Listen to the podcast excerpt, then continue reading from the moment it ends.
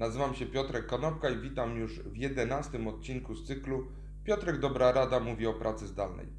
Dzisiaj powiem trochę o wdrożeniu na stałe tego, co obserwujemy dzisiaj za oknem, trochę w wersji prowizorycznej, czyli pracy zdalnej. Do niedawna było czymś bardzo naturalnym, że pracownicy przychodzili do biura i pracowali. Wiele firm, z którymi rozmawiałem przez ostatnie kilka lat, mówi, że dla nich praca zdalna albo nie istnieje, albo jest traktowana jako nagroda, albo jest to coś, co przysługuje wyłącznie niektórym pracownikom na ich wniosek, ale bardzo rzadko. Prawie miesiąc temu, 13 marca, wszyscy trafiliśmy do pracy zdalnej, ale organizacje były do tego nieprzygotowane. To, co zrobiły, to przeniosły, przesunęły po prostu pracowników z pracy przy biurkach do pracy w kapciach w domu. Nie poszły za tym przesunięciem najczęściej żadne zmiany organizacyjne. Nie poszły za tym przesunięciem żadne zmiany prawne, żadne zmiany procesów. Oczywiście na początku było trochę paniki, zamieszania związanego z, we, ze wdrożeniem tego procesu, natomiast dzisiaj można już zauważyć, że kurz trochę opadł.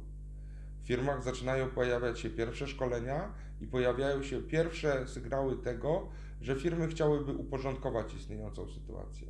Jak powiedział jeden z partnerów kancelarii prawnej, z którym ostatnio rozmawiałem, ich praca ostatnio przypomina taki bieg kurczaków bez głowy.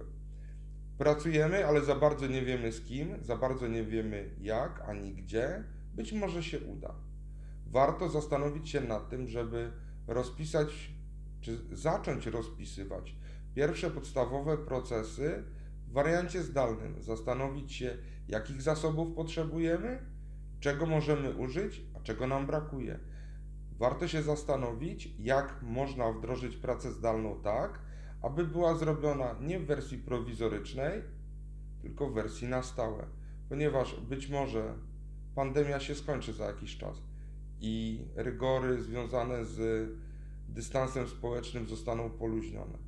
Ale praca zdalna, myślę, wdrożenie tej pracy zdalnej będzie zmianą cywilizacyjną, która prawdopodobnie zmieni obraz tego świata.